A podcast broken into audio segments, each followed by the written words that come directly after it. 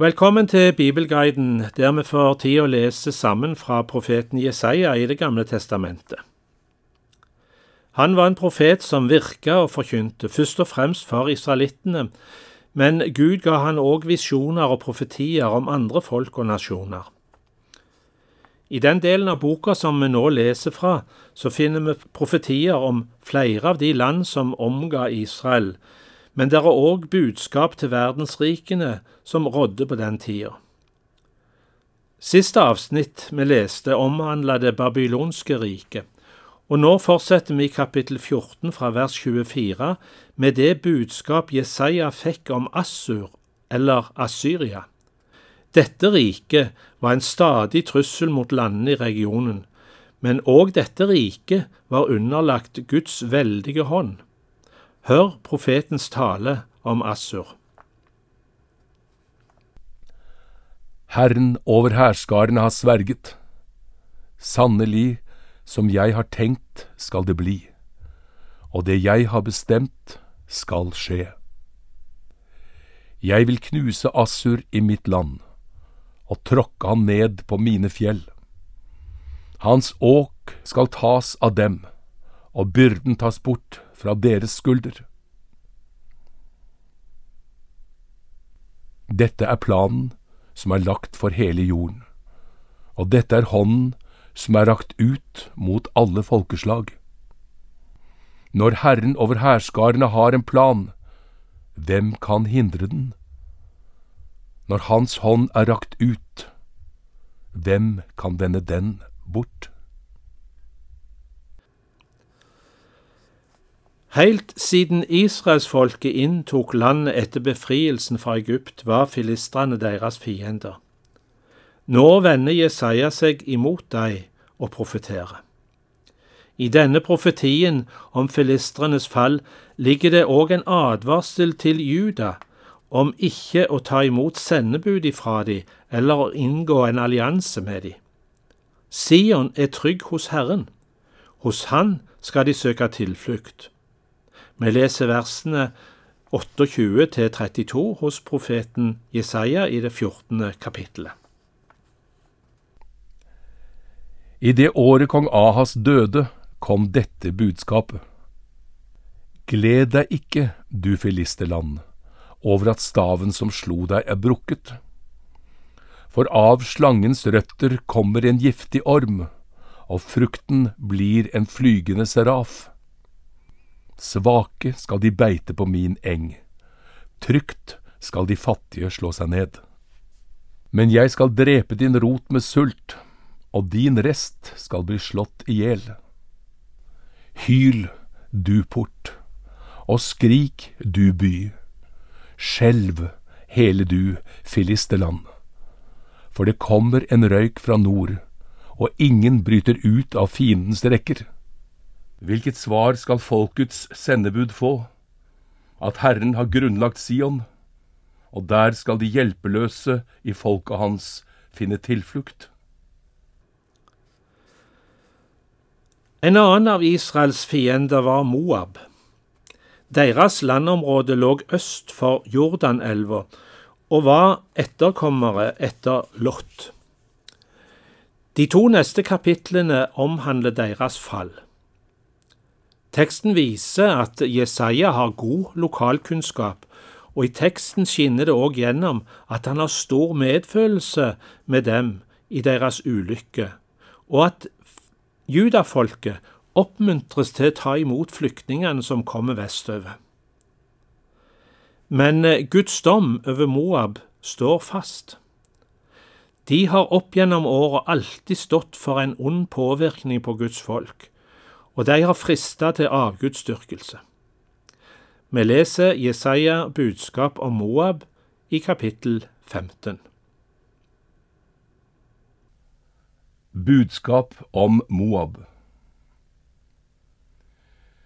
I en natt av vold gikk Ar Moab til grunne. I en natt av vold gikk Kir Moab til grunne. De går opp til tempelet Dibon går til offerhaugene for å gråte. Moab sørger over Nebo og Medeba. hvert hode er snauklipt, alt skjegg er raket av. I gatene går de kledd i sekkestrie, på tak og torg sørger alle, tårene renner. Heshbon og Elale klager, skrikene deres høres helt til Jahas. Derfor roper Moabs krigere, de skjelver og mister motet. Mitt hjerte klager over Moab. De flykter til Soar og Eglat Shelishia.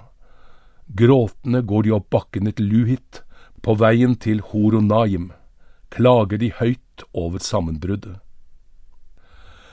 For Nimrim-vannet blir til ørkenland, gresset tørker bort, engen visner, det finnes ikke noe som er grønt. Derfor tar de det som er igjen, det de har tatt vare på, og bærer det over Arabimbekken. Ja, klageropet går rundt om i Moabs land, skriket når Eglaim, skriket når Ber Elim. For Dimons vann er fullt av blod, og enda sender jeg mer mot Dimon, løver mot dem som slapp unna fra Moab, og mot dem som er igjen i landet.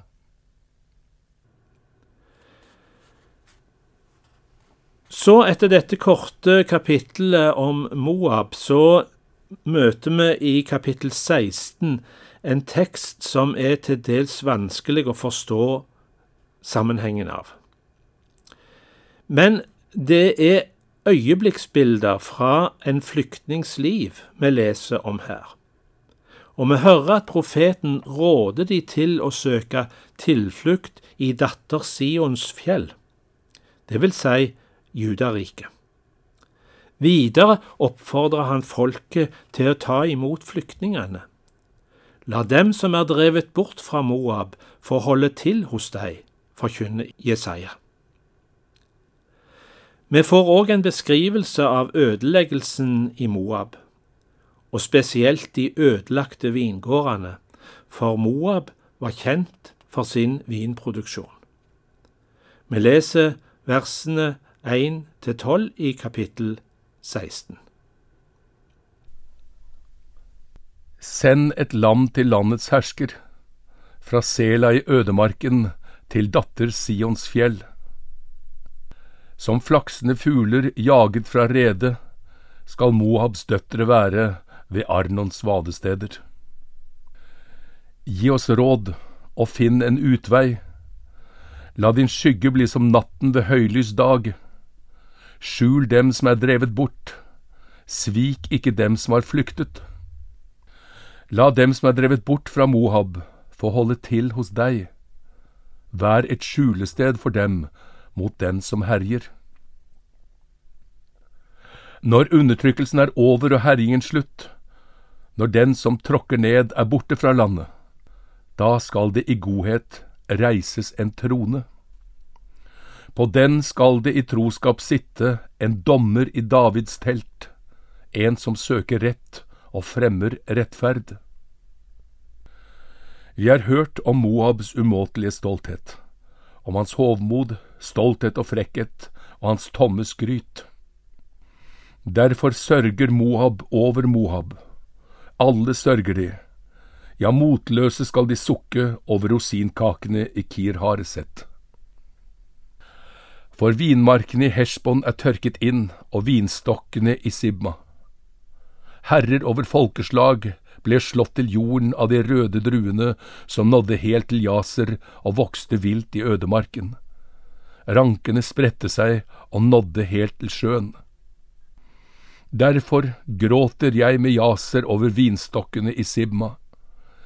Jeg vanner deg med mine tårer, Hishbon og Elale, for det er slutt på de glade ropene over din frukt og din grøde.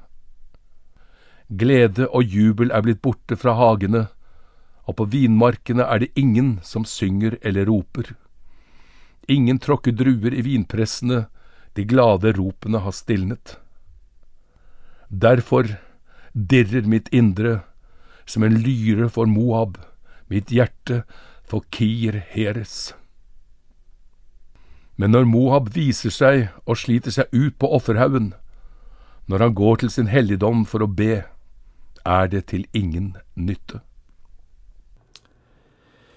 Til slutt i budskapet til Moab så får vi et innskudd av en tidligere profeti som tidfester når ødeleggelsen skal skje. Dette viser oss at Gud har kontrollen på tid og historie. Vi leser de to siste versene av kapittel 16. Dette er det ordet som Herren før har talt om Moab. Men nå, sier Herren, om tre år, slik som leiefolk regner årene, skal Moabs ære bli til vanære, så folkerik det er, og de få som blir igjen, skal bli maktesløse. Da sier vi takk for følget i dag og ønsker velkommen til neste utgave av Bibelguiden her i Petro.